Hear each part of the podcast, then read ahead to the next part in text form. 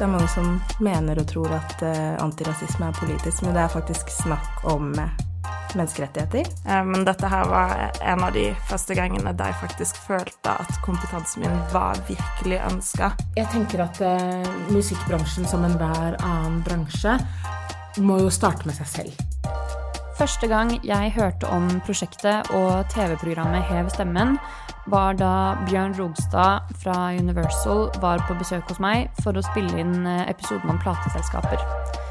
Han kunne da fortelle at eh, bl.a. Universal Music Norge hadde satt i gang å samle bransjen rundt en eh, TV-sending om rasisme og antirasisme. Men dette var eh, på den tiden ikke bare lett. Eh, de hadde allerede møtt på motstand, og Bjørn var ikke helt fornøyd. Og da programmet endelig ble sendt i juni i år, ble det møtt med applaus og lovord både fra bransjen og, og utenfor musikkbransjen. Jeg ble da veldig nysgjerrig på hvordan prosessen egentlig hadde vært, og fikk da eh, invitert Johanna Alem fra Universal Music Norge og Selena Sefani til å fortelle sine erfaringer fra å være med i denne prosessen. Men før jeg på vegne av Bylarm lager en podkastepisode om rasisme, diskriminering og mangfold, må det sies et par ting. Bylarm sin sentraladministrasjon, i tillegg til styret vårt, består i dag av utelukkende hvite folk med etnisk norsk bakgrunn. Vi er gode på kjønnsfordeling, men vi har en lang vei å gå på mangfold. Jeg håper at denne episoden kan bidra til å åpne både våre egne øyne men også oppfordre andre organisasjoner til å ta ansvar. For selv om vi har fokus på mangfold i booking av eh, både konferansen og festivalprogrammet, er det langt fra nok. Bylarm 2021 arrangeres 30.9. til 2.10, og vi gleder oss til å se deg der. Podkasten er laget i samarbeid med Norsk Tipping, med tilskudd fra Fritt Ord. Jinglen dere hører, er laget av Jonas Hibiki. Jeg heter Agnes Sten Eckersberg, og dette er Bylarm Backstage.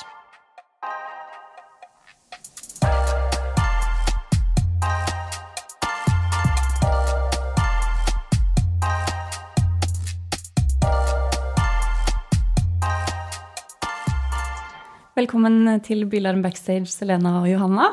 Takk. Takk. Jeg vil først høre litt eh, om eh, hvor du jobber, Johanna. Hva er det du driver med om dagen? Jeg jobber som uh, Head of Eventum Promotion i Universal Music Norge.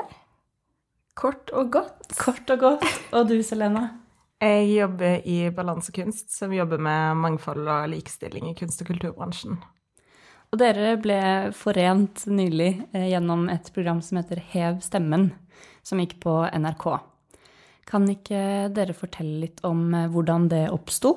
Um, det oppsto i typ mai-juni i fjor så var det en idé som dukket opp av sjefen min Bjørn Rokstad, som dere også har snakket med tidligere.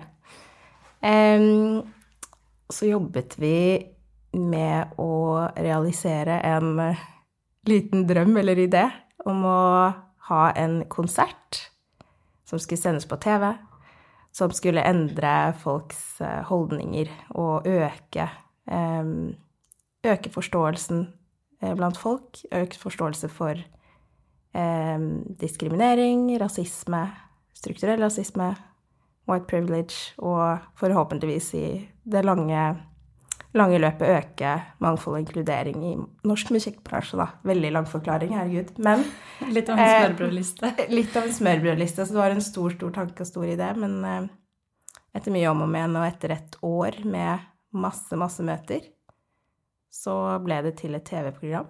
Og så på veien møtte vi Selena. Ja, jeg ble jo ansatt av Oslo Company, som fikk i oppdrag å faktisk utvikle Hevstemmen.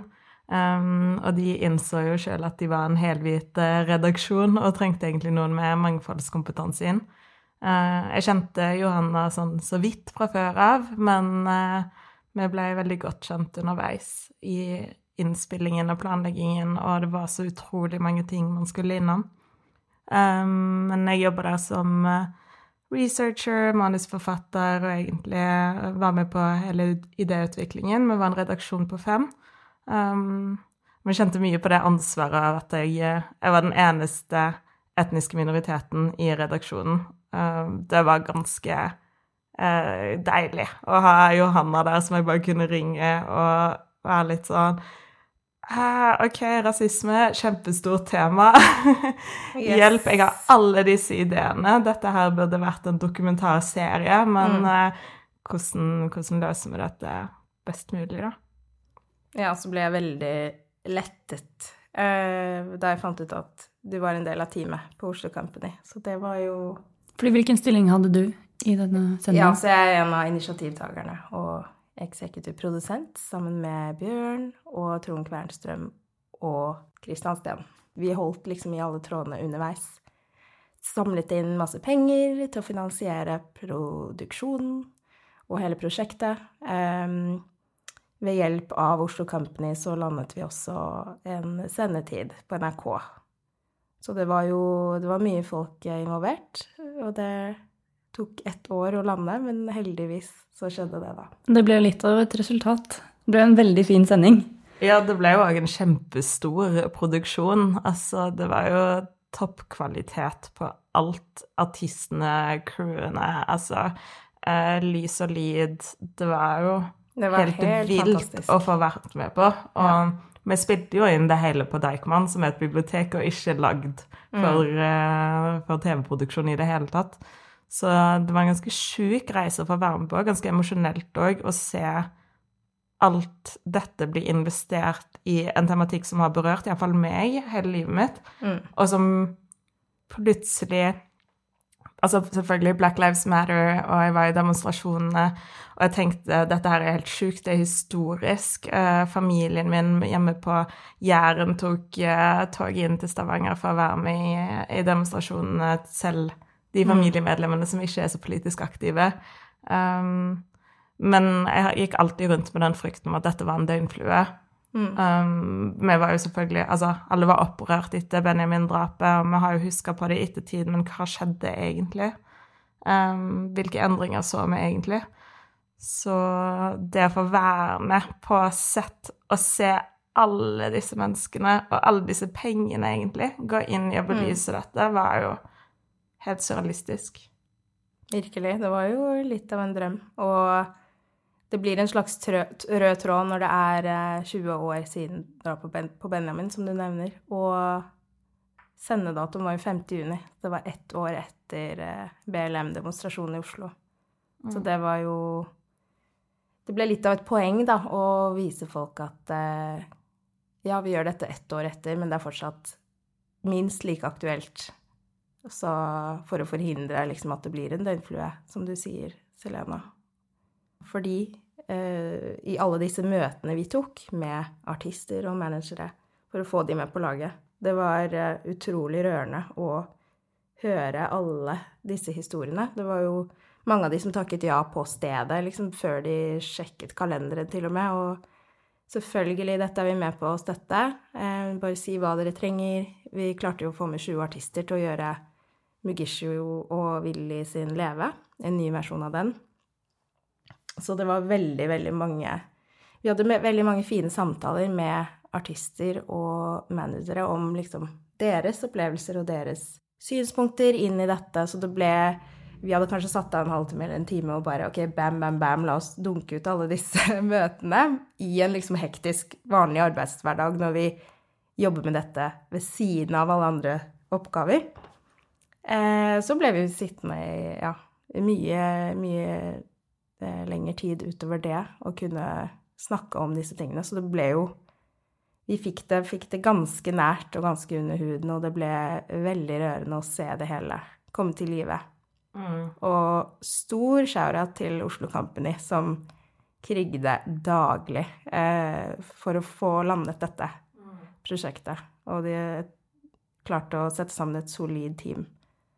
Så um, Takk, og i like måte. Ja, virkelig. Og jeg får ikke nevne de plakatene, BLM-plakatene, som blir holdt i åpningsakten under levelåten. De er jo samla inn av bl.a. Michelle Tisdel og fra den faktiske BLM-demonstrasjonen i Oslo. Så det er de ekte ja. uh, noen av de ekte plakatene som, som, ble holdt under demonstrasjonen. Og det var så viktig å få fange det øyeblikket mm. og gi det den oppmerksomheten det trengte. Uh, og la det være så autentisk som mulig. Og Magisha og gjøre en sinnssyk jobb på det, selvfølgelig. Mm. Denne bevegelsen har jo berørt alle deler av samfunnet. Men hva er det som gjør at uh, musikkbransjen skal ta et standpunkt til det? Hva er det du, Johanna, tenker at er viktig med det? Jeg tenker at det er noe alle bransjer bør ta et standpunkt uh, for, ja. Fordi at det bør ikke være politisk. Det er mange som mener og tror at uh, antirasisme er politisk, men det er faktisk snakk om menneskerettigheter. Så det er noe vi alle bør kjenne et ansvar for å jobbe mot. Så vi gjør jo det lille vi kan gjøre i musikkbransjen, men dette er jo mye større enn bare det. Så um, og, og, samtidig så ser vi jo at uh, musikkbransjen i Norge òg har mye, mye jobb å gjøre likevel det er en liten del av et mye, mye større bilde. Absolutt. Ja. Det er jo ganske interessant å se at musikkbransjen på overflaten ser relativt mangfoldig ut. Eh, hvis du ser på artistlistene, f.eks., men sånn som når jeg satt og skulle gjøre researcharbeidet bak, bak hevstemmen, så ser du jo at så å si alle styrer er blenda hvite. Eh, de fleste ansatte er helt hvite, eh, og ekstremt lite Ikke bare etnisk mangfold, men mangfold på alle andre eh, mm. former og for, Ja, for alle andre former òg. Så det, det er ganske sjukt å tenke på at selv de bransjene man kanskje ser opp til, som man tenker går foran som gode eksempler for hvordan man skal drive visse former for samfunnsarbeid, uh, eller stå fram som gode eksempler, ikoner, hva det enn skulle vært, at selv når du begynner å grave der, så er det skuffende, da. Mm. At best. Og i den prosessen hvor vi skulle samle midler til dette, så mange musikkorganisasjoner, så møtte vi eh, dessverre kun én ikke-etnisk norsk person i disse mm, beslutningsgruppene, da. Det er jo flere ansatte, men i de eh, styrene og ledergruppene vi møtte på veien, mm. så var det kun én. Så det var også en uh, vekker. Ikke overraskende, men uh, ja. Hva slags reaksjoner eh, møter, møtte dere da, da dere gikk til de forskjellige organisasjonene? Og, og, hva slags forventninger hadde dere? Eh, vi møtte jo Det var veldig mye sånn applaus på avstand og hei, 'Vi heier på dere, og dette er dødsbra' eh, godt prosjekt. Men da vi kom nærmere eh, avgjørelsene, da, så ble det litt vanskelig. Men vi tok flere samtaler og telefoner, og det gikk til slutt veien. Vi har klart å få støtte fra Dopa, Gramart, musikkforleggerne, Gramo og Creo, i tillegg til alle tre major labels og um, NRK. Så det ble en veldig, veldig fin uh, liste med bidragsytere. Men det tok uh, lang tid. Det var absolutt verdt det. Mm. Uten, og jeg håper jo vi får gjøre det igjen. Ja. Så uten de midlene hadde vi ikke klart å gjøre det. Så um, det, det, var ikke en Det var ikke smooth sailing. Det skal jeg ikke si at det var. Men uh, Det viser jo behovet for at dere gjorde den jobben. Absolutt. Og så ville jo ikke jeg fått uh, tatt del i de møtene hvis ikke det var for sjefen min, Bjørn, som en hvit uh, mann på rundt 50 år. Så um, hadde det ikke vært for han som hadde kalt inn til de møtene, så hadde de mest sannsynlig aldri skjedd. Mm. Jeg må gi en shout-out til redaksjonen, fordi at jeg tenkte herregud, skal jeg komme inn her som brun eller svart og begynne å synse om ting som berører meg, ting som berører min familie, mine venner, um, til hvilken nytte? For jeg har prøvd å ta den rollen så utrolig mange ganger i livet mitt før. Um, der det har blitt ønska mangfoldskompetanse, så kom jeg inn der, og så kommer jeg med min kompetanse, jeg kommer med mine forslag, jeg kommer med min innsikt. Eh, dette er jo ikke òg bare noe jeg sitter og syns om basert på erfaringer, men ting jeg interesserer meg for å lese meg opp og følge med på. Um, men gang på gang på gang så blir jeg liksom et ansikt de kan poste på uh, nettsiden sin, eller eh, et, uh, et utenlandsk navn de kan uh, skrive ved i whatever dokumenter. Eh, men dette her var en av de første gangene der jeg faktisk følte at kompetansen min var virkelig ønska. Eh, og det var ganske unikt å se Uh, folk som jeg vanligvis har følt at jeg måtte krangle med, når jeg, hvis jeg bare generaliserer, altså mm, mm.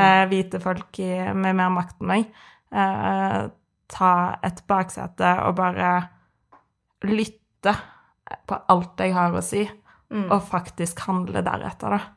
Mm. Og det var også litt av inspirasjonen bak programmet, at vi ville ikke ha debatt eller krangling, vi ville ha fine mm. samtaler med folk som lytter på hverandre, selv om man kan ha ulike meninger eller ulike uh, standpunkter eller referansepunkter. Så det var jo hele poenget med programmet. For en gangs skyld ville vi være litt sånn Dette her er ikke oppe for debatt. Det er bare selv med Fredrik Solvang? Mm. Selv om det er Fredrik Solvang. det var et par runder selv, selv på det.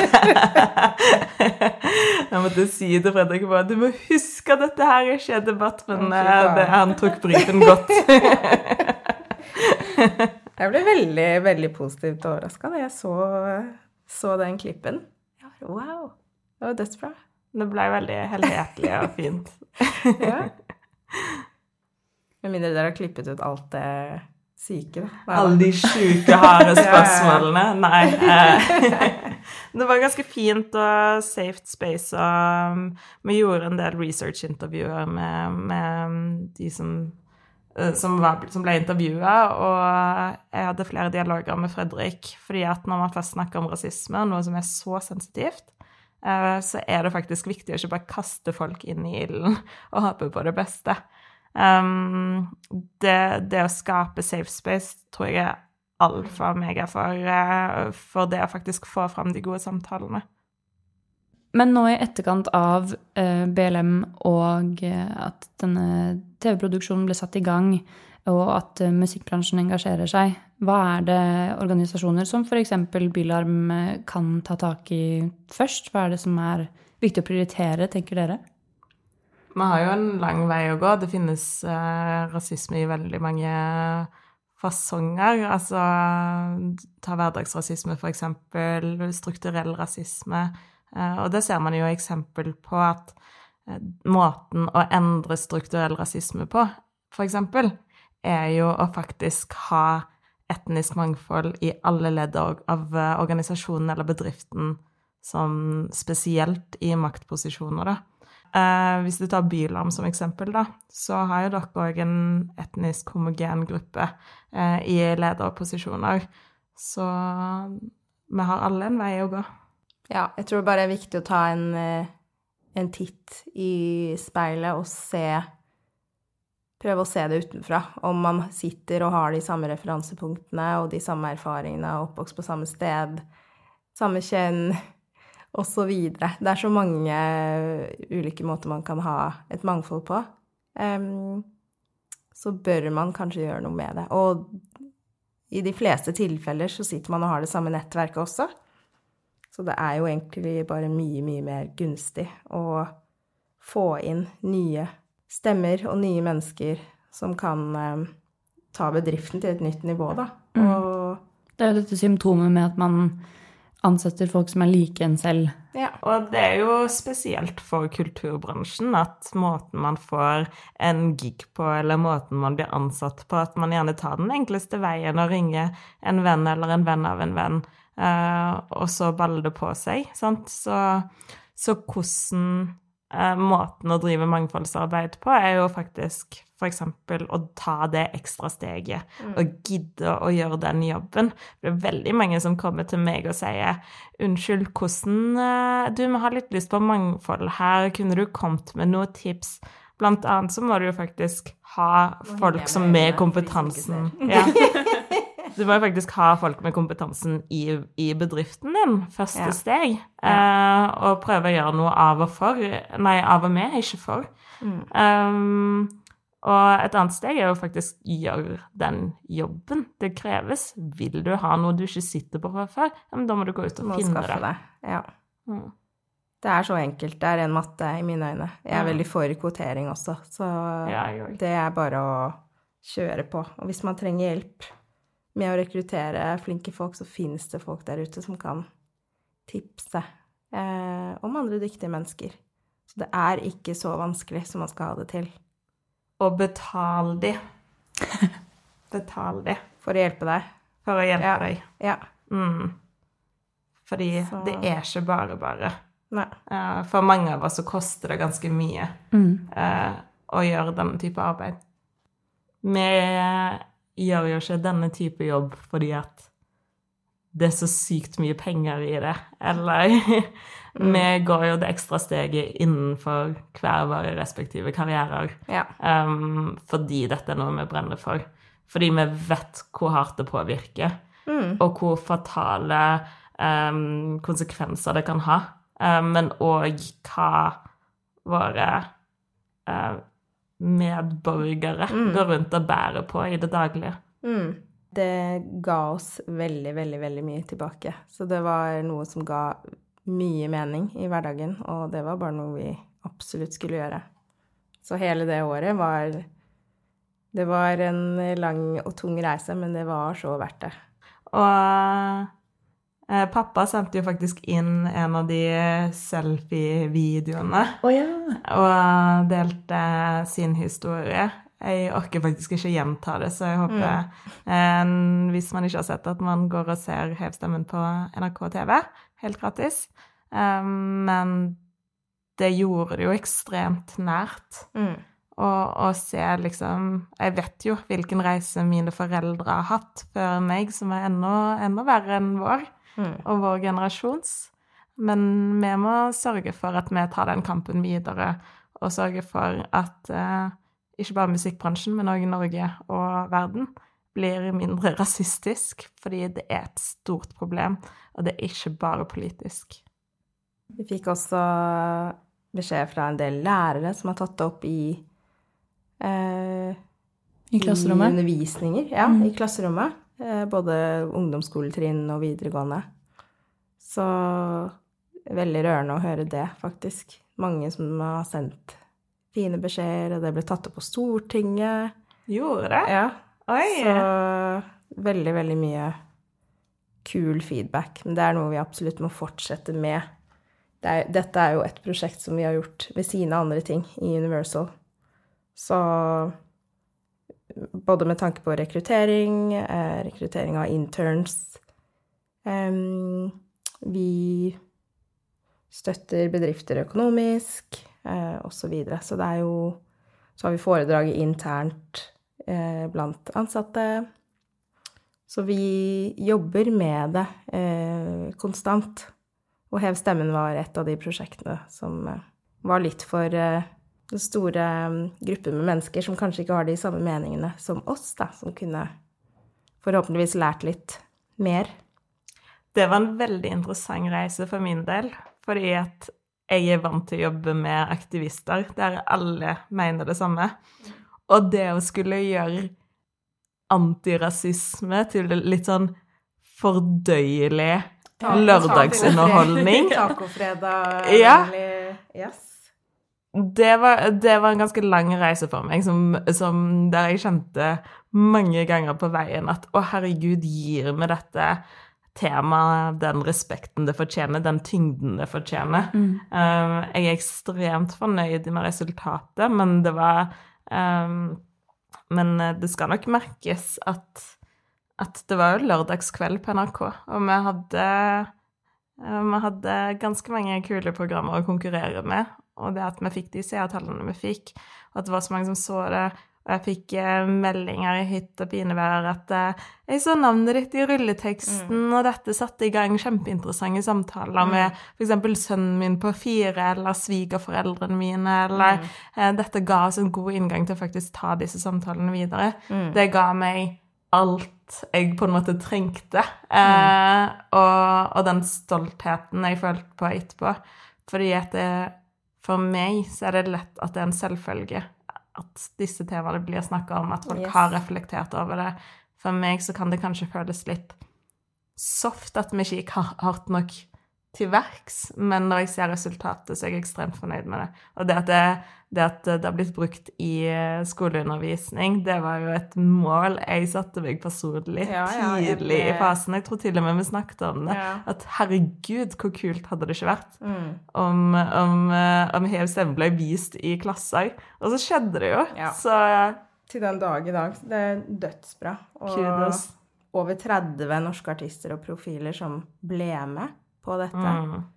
Eh, på hva da, et program på 55 minutter. Så i beste sendetid på NRK1. Det var Og så mange artister som ikke fikk eh, masse eh, TV-tid, Ja da. skjermtid. Ja. Og eh, for eksempel alle de som bare stilte opp i, i Magishow i åpningsakten. Det, det er jo helt rått. At Som var på sett der en del timer og Mm. sto på. Så det Og mange Veldig, frivillige, veldig, ja, Ja. mange frivillige ungdommer eh, som gjorde en fantastisk jobb. Og, ja. Det at det får ringvirkninger, er jo ja. utrolig kult. Ja, veldig, veldig gøy. Nei, så vi, vi jobber på. Det er ikke noe som eh, Det er ikke noe vi slutter å jobbe med. Det er noe vi, iallfall vi i Universal, eh, alltid kommer til å jobbe med. Det skjer Så, ikke over I ulike former. Ja, nei. Mm. Så jeg vil oppfordre alle andre ledere og styremedlemmer til å ta et standpunkt, altså. Det blir spennende å se hva dere i Byland kommer til å finne på. Ja. Mm. Og ikke bare gjør det for andre, gjør det for dere sjøl òg. Jeg tror det er veldig mange som ser på rasisme, og så tenker de og rasisme er drapet på Benjamin, eller rasisme er drapet på George Floyd. Rasisme er når um, politiet arresterer svarte og brune menn uten grunn. Men rasisme er veldig mye mer enn det. Det er de subtile kommentarene. Det er eh, alt fra åh, du er skikkelig eksotisk, en sånn som deg har jeg alltid hatt lyst til å ligge med, em, til at man blir fulgt etter på butikken når eh, av en ansatt som Og man kjenner på hele kroppen at de er redd for at du skal stjele. Det er de små øyeblikkene som er helt umulig å sette fingeren på, som er utrolig vanskelig å gjenfortelle om at i dag har jeg en dårlig dag fordi at dette her skjedde meg. Det skjer hele tiden. Det er hverdagsrasisme. Det skaper noe som heter minoritetsstress, um, som jeg vil si så å si alle som er synlige etniske minoriteter, går rundt og bærer på. Um, og det å huske på det når man f.eks. er på jobb, når man f.eks. booker inn et panel, eller booker artister, eller enhver type beslutningstagning, alltid huske på at hva kan jeg gjøre nå for å representere enda flere? Det eh, burde være et minstekrav, og eh, det gagner alle.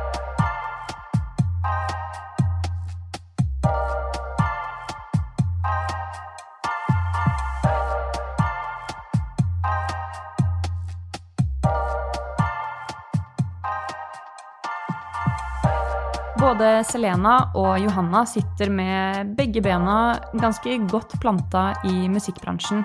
Men jeg ville også høre fra et litt eh, annet perspektiv. Eh, Linda Tinuke Strandmyr jobber med antirasisme, og jeg hadde lyst til å invitere til å høre hennes meninger om eh, Kanskje litt om hvordan musikkbransjen ligger an når det gjelder rasisme, antirasisme, mangfold, rekruttering og alt vi kan gjøre bedre. Velkommen til Bylarm Backstage, Linda. Takk. Takk for at du ville være her i dag. Jeg lurte på om du først kunne fortelle litt om hva din, din bakgrunn i antirasistisk arbeid er. Ja, det kan jeg gjøre. Jeg jobber nå som fungerende daglig leder i Antirasistisk senter. Og før jeg gjorde det, så har jeg en ganske lang bakgrunn fra Agenda X. Og Agenda X det er ungdoms, en av ungdomsavdelingene til Antirasistisk senter. eh, Som jobber både med antirasistisk ungdomspolitikk, liker jeg å kalle det, og sosiale tiltak for ungdom, og med kultur. Mm, Der eh, har jeg vært tilknytta fra jeg var eh, 20 år gammel, cirka. Jeg leda en jentegruppe der for unge jenter med minoritetsbakgrunn. Og så har jeg på en måte utviklet meg gjennom mange år i, i Eller ja, hatt ulike arbeidsoppgaver der gjennom tidene. Mm. -hmm. jeg har ledet en valgkampanje for de som heter Stem og bestem, som handler om å få minoritetsungdom til å stemme. Der vi bl.a. har brukt eh, forskjellige typer virkemidler som spoken word og musikk og sånn for å liksom appellere til ungdom. Eh, og så har jeg de siste årene jobbet som nestleder der. Eh, hvor jeg har jobbet med å på en måte både koordinere alt arbeidet og legge til rette for gode kultur- og sosialtilbud for ungdom. Da. Som en, et virkemiddel for å uttrykke både antirasistisk engasjement, men også for å knytte liksom bånd mellom ungdommer og den etablerte kunst- og kultur- eller, eller plattformen. Sånn at unge kjenner at det, det, finnes en mulighet og et rom og en plass for de. Fordi du har virkelig en bakgrunn i inkludering mm. i kulturen. Ja. Um, og det er jo det som er så viktig, føles det også som å begynne med tidlig. Mm. Og når du er med disse ungdommene, uh, så gir jo det en helt annen verdi enn det det er å prøve å engasjere senere. Ja. Uh, ser jeg for meg, i hvert fall. Mm. Ja, altså vår på en måte Agenda X sin arbeidsmodell er ung-til-ung-metode. og Det handler om at det er unge folk som skal jobbe sammen med andre unge folk, eller litt yngre folk, for å inspirere og motivere dem.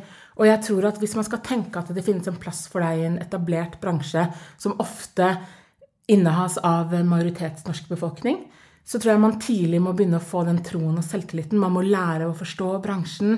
Man må begynne å skape egen musikk. Man må kanskje begynne å få trening i å skrive søknader, rapportering. Altså det å få disse verktøyene som gjør at du kan hevde deg på samme måte med andre som kanskje har det store nettverket. Eh, det tenker vi er viktig, da. Og tar sin plass som en selvfølge mm. på en annen måte. Ja. Mm. ja. Og det å jobbe med empowerment, som vi kaller det, at man skal ha tro på at din bakgrunn er ikke noe negativt, det er tvert imot en styrke. At det som er din bakgrunn, at du kommer fra Oslo, at du har vokst opp i et flerkulturelt miljø, det er på en måte superheltkappa di. Det er det som gjør deg til unik. Og veldig mange unge kjenner på at det er, det er det samfunnet trekker frem med deg som noe negativt. Men vi prøver å snu det fokuset. da. Og jo mer vi får unge til å tro på det, og samtidig jobber mot samfunnet og overbeviser samfunnet om at det er sannheten, så tenker vi på at et eller annet punkt vil det krysses. Og så vil man se eh, den enorme styrken og kompetansen som ligger i mennesker som kanskje ikke kommer fra samme bakgrunn som man eh, er vant til som majoritetsnorsk. Mm. Så var du også nylig med på eh, sendingen eh, Hev stemmen på NRK. Ja. hvor du hadde et veldig fint innslag. vil du ikke fortelle, eller kan du fortelle litt om hvordan det var å delta på et sånt eh, arrangement, som jo er unikt mm. eh, på mange måter. Mm. Eh, fra musikkbransjens side og vist på NRK. Eh, ja, vil du fortelle litt om det? Ja. Eh, først og fremst så eh, Fra jeg ble forespurt om det, så kjentes det som en sånn anerkjennelse at NRK valgte å lage en sånn sending med de artistene de valgte å ha med i den sendingen. Det kjentes som en sånn ekstrem anerkjennelse av det antirasistiske arbeidet og viktigheten av at en bransje skulle melde seg på i det arbeidet. Så det var ganske overveldende og fint, kombinert med at det var på tide. eh, liksom. men, men, men, det, kjentes, det kjentes godt at eh, endelig eh, valgte Statskanalen å vie tid til dette. Eh, og så opplevde jeg det som en veldig sånn Eh, jeg opplevde at de som jobbet i produksjonen rundt Hev stemmen, eh, kjente på den der følelsen av å skape historie på et eller annet vis. At man tok det veldig på alvor. Eh, og tok på alvor mandatet man hadde. At det man skulle formidle, skulle gjøres på en god måte. At man skulle være på en måte den diskursen og den debatten som foregår ute i samfunnet nå, og klare å, å vise den bredden, og samtidig ha det fokuset som det norske folket trengte. Eh, og så opplevde jeg at produksjonen valgte å legge seg på en sånn linje at man snakker ikke nødvendigvis til antirasistene som finnes der ute, men man ønsket å lage et program for de som sitter hjemme og tenker litt sånn ja, ja, jeg sier jo ikke N-ordet, så jeg er ikke rasist, liksom. Og at man skulle opplyse litt om hva faktisk dette, eh, hva dette betyr, og hva dette innebærer. Og det å ha den kombinasjonen av innslag som informerer om rasisme, samtidig som man gjennom de kulturelle innslagene og musikkinnslagene um, får folk til å føle det på kroppen. Um, den balansen der syns jeg uh, ble gjennomført på en veldig sånn vakker måte. Og at uh, jeg opplever at mange satt igjen med et sånt um, litt sånn slag i ansiktet. I hvert fall uh, det er tilbakemeldingene jeg har fått fra folk som ikke nødvendigvis følger med på den antirasistiske debatten eller er opptatt av antirasisme. At man kjente at det ble presentert på en sånn måte at man fant rom for å kjenne etter at ok, jeg vil gjøre noe. Jeg skjønner, jeg har ikke forstått dette. Jeg har ikke tatt det på alvor, men nå kan jeg kjenne litt eh, hvordan det er, og det gir meg drivkraft til å ville gjøre noe. Og det var i hvert fall mitt mål å, med å delta. Mm. Var nettopp å kunne prøve å formidle at det er mulig for hvem som helst å gjøre grep um, for at uh, det norske samfunn blir mindre rasistisk.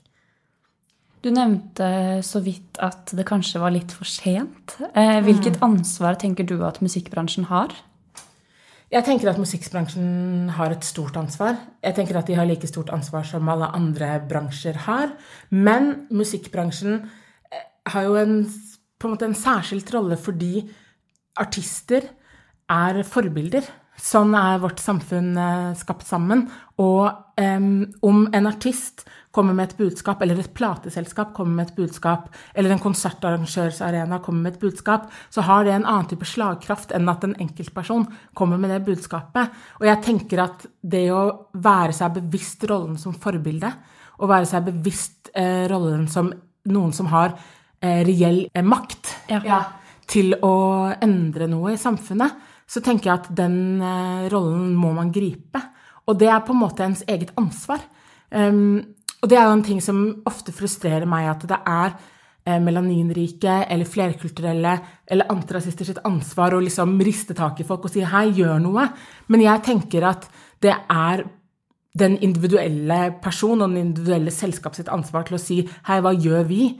Hvordan bruker vi vår makt og vår innflytelse til å skape et mer likeverdig samfunn? Det er jo helt absurde ting vi snakker om. Vi snakker om at liksom brune og hvite mennesker i Norge skal ha samme rettigheter. Og det å velge å ikke gjøre noe med det, det er også et valg. Og det valget eh, tenker jeg at det følger med et ansvar på. Da. Det er ikke sånn at du kan bare velge å være nøytral når det gjelder eh, antirasistisk arbeid. Mm, velger du å la være å gjøre noe med det, så velger du det jo vekk, da. Og sier at ok, det er ikke en prioritet for oss. Den, eh, det har man jo full rettighet til å bestemme seg for å gjøre. Men konsekvensene av det er jo store. Fordi Eh, jeg tenker at det er helt unødvendig at vi lever i et Norge i 2021 hvor det fortsatt finnes strukturell rasisme, og det fortsatt finnes undertrykking um, i den skalaen det gjør i Norge, da. Ja, og musikkbransjen som ikke sier fra, mm. vil da bidra til at uh, det ikke settes på dagsordenen at det ikke er noen utvikling. Ja. Og musikkbransjen også som en såpass uh, offentlig bransje, mm. uh, med mye oppmerksomhet og mange aktører. Mm Eh, tenker jeg i hvert fall, at eh, bør tørre å i hvert fall eh, gå fram som et godt eksempel. Ja, 100% Og jeg vet ikke engang om man trenger liksom kraft til å tørre det. Jeg tenker at godt det er poeng. en selvfølge. Mm. At um, um, å velge å tie da, i en sånn type situasjon, og velge vekk å være handlekraftig for, eh, for å skape endring, det er jo problematisk og feigt på mange måter. Um, sånn at uh, jeg tenker at man kan utfordre seg selv litt på uh, hvordan man velger å benytte den makten man har, rett og slett. En ting som også går igjen i musikkbransjen, er jo det at artistene ikke nødvendigvis mangler mangfold, mm. men at det ett hakk bak kulissene og to hakk bak og helt i toppen mm Eh, er det helt eh, homogent. Eh, og det er veldig hvitt. Og det er jo et problem som går inn i mange bransjer. Men hva, hva, hva kan man gjøre med det? Jeg tenker at musikkbransjen som enhver annen bransje må jo starte med seg selv. Altså Man må rydde opp i egne rekker på et vis før man går ut. Og det er veldig fint at man velger å delta på noe sånt som Hev stemmen, eller velger å gå utad med sitt antirasistiske budskap. Men for å skape reell endring, så må man jo endre hvor makta ligger, og hvor penga ligger. Det er det er på en måte realiteten. Og eh, hvis man ønsker å bidra til at det blir et eh, samfunn med mindre diskriminering og mer likestilling mellom eh, ulik bakgrunn, så kan man jo se på sin egen arbeidsplass og se ok, her i vårt styre f.eks. Er mangfoldet representert i styret vårt? Er mangfoldet representert i ledelsen vår? Hva med i ansattgruppen vår? Og hvis du ser majoritetsnorske i hver eneste ledd, og til og med om du ser det i to av leddene, eh, så må du allikevel rydde opp i det. Fordi at eh, hvis du ønsker å tenke og ta valg på en måte som bidrar til at man gjennom sitt arbeid og gjennom sin kultur også jobber for mer likhet og mindre diskriminering i samfunnet, så er man nødt til å skape rom for de stemmene som, eh, som vil eh, være med å flytte samfunnet i den retningen. Um, og Det er på en måte den ene tingen. Den andre tingen er at det, blir ikke mer arbeidsplasser, eller du får ikke flere muligheter til innflytelse som melaninrik hvis ikke du får ta den plassen. Um, og da uh, er jo hver eneste arbeidsplass ansvarlig for å rydde det rommet. Sånn at eh, når du ansetter folk, så må du være bevisst på eh, er det en mangfoldig gruppe her, eller er gruppa homogen. For hvis gruppa er homogen, man, hvordan skal man da på en måte representere røstene til majoritetsbefolkningen og få inn de perspektivene? Eh, det får du ikke ved å bare velge én type gruppe.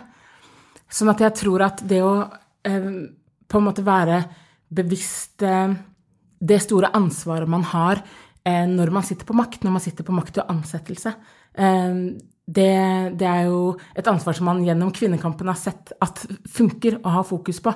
Eh, og man har virkelig ikke kommet dit, og heller ikke i musikkbransjen, men man må fortsette å ha fokus på det. Eh, det er en grunn til at man tenker at mangfold eh, er en bra ting, og at det fungerer. Det er en styrke for arbeidsplassen. Det er ikke et offer for arbeidsplassen å inkludere, men arbeidsplassen din blir Eh, den gjenspeiler samfunnet i, en, i større grad. Eh, om man eh, tar valg som gjør at du har en ansattgruppe som er mangfoldig. Da. Men for å endre disse strukturene og ansettelsene, da, mm. så må man jo starte rekrutteringen på et sted. Mm. Og hvor er det man kan begynne da? Ja, så jeg tenker at Hvis man er, mener alvor med at man ønsker å være en arbeidsplass hvor man har et større mangfold, så tenker jeg at man må vie ressurser til å gå ut og finne eh, de rette ansatte der de er. Fordi at det er ikke sånn at eh, man bare kan legge ut en jobbannonse og så tenke at man klarer å rekruttere fra disse miljøene som kjenner at denne bransjen er ikke for meg. Det å jobbe eh, bakenfor kameraene eller å jobbe bakenfor artistene, det er ikke rom for meg der. For jeg har aldri sett noen som ser ut som meg, som gjør den jobben. Og da tenker jeg at det å gå ut til ungdomsmiljøer, det å kanskje gå inn i samarbeid Det fins mange um, I Oslo så finnes det mange fritidsklubber og steder som har musikkstudioer, f.eks., som driver uh, et musikkarbeid.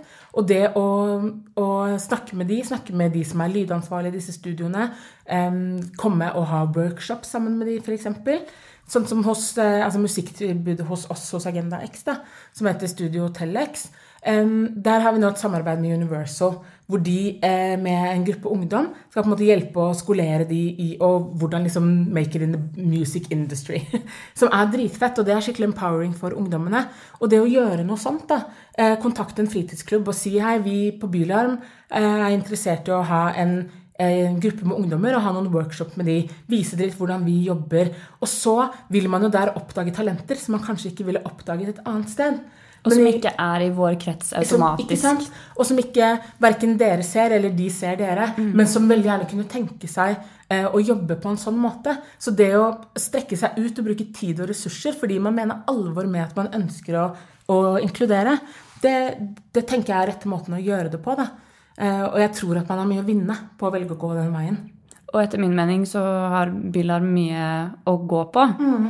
Eh, når det gjelder rekruttering til oss selv, men også eh, bevisstgjøring på det vi gjør, at vi har forskjellige perspektiver eh, internt i både administrasjon og styre. Mm. Så har vi definitivt en jobb å gjøre. Ja. Tilbake til det mer overordnede antirasistiske arbeidet. Så, så ser man ofte at for å vise hvor, hvor alvorlig rasisme kan være, Eh, så benytter man ofte um, historier, vonde historier fra de med minoritetsbakgrunn. Mm. Um, hvordan er det man kan lage en, en annen vinkling eller et, et, tryggere narrativ, på en måte, uh, på, på, en sånn uh, historie? Mm. Jeg syns det er eh, kjempefint at du spør om det og, og, og, trekker det frem. Fordi det man kaller for trauma porn, da, eh, som handler om at man eh, utnytter folk sine traumer eh, for å skape blest, eller skape en historie for å vekke empati. Da. Og at mange tenker at for at vi skal få folk til å forstå alvoret av eh, rasisme, så trenger vi å fortelle tåredryppende historier som gjør at folk skjønner oi, dette går utover menneskeliv, og så vil man bli antirasist. Men jeg tenker at man kan utfordre seg selv litt. For det første, Konsekvensen av det er jo at det er veldig mange mennesker med minoritetsbakgrunn som er nødt til å utlevere sine private traumer eh, på bekostning av at andre skal um, omvendes til å bli antirasist. Som om ikke tallene er nok. Som om ikke fakta er nok. Vi, vi vet allerede at, eh, hva rasisme gjør med folk. Vi vet allerede konsekvensene av det. Jeg kjenner at vi har kommet til et sted der vi burde være ferdig med at man skal utlevere seg selv for at folk skal omdannes til antirasister. Jeg syns det har vært spennende om musikkbransjen utfordrer seg selv litt på å gjøre kampanjer hvor man tar tak i hvithet. Tar tak i hvithetsnormen. Og heller retter søkelyset på det å, hva er det å ha hvite privilegier, f.eks.? Hva er det å ha retten og muligheten til å gå gjennom livet uten å en gang måtte tenke over hvilken farge du har, eh, du eh, har på huden din? Og det å eh, rette blikket innover på manglende tiltak for, eh, å ut, for å bekjempe diskriminering, manglende tiltak for å skape mer mangfold, for å ha en bedre representasjon, både av artister, men også innad hos en, hos en sjøl. Eh, jeg syns det hadde vært så fett hvis noen turte å bruke tid og ressurser på å opplyse om at hei, vi er klar over at vi har um, bare reprodusert rasistiske strukturer i de valgene vi har tatt. Det har vi ikke lyst til å gjøre lenger, og nå tar vi grep om det. Mm, det tenker jeg at eh, Norge 2021 er klar for og trenger. Da. At noen tør å ta den sjansen. Under eh, Hev stemmen så var det jo Eh, et bredt spekter av folk som ble representert, som fikk snakke. Um, men eh, hvordan var eh, egentlig den helhetlige representasjonen på dette arrangementet? Mm. Jeg tenker at Hev stemmen som et sånt første arrangement gjorde en grundig og solid jobb. Og det er viktig for meg å si at jeg anerkjenner den jobben, og jeg syns at den jobben man gjorde, var god.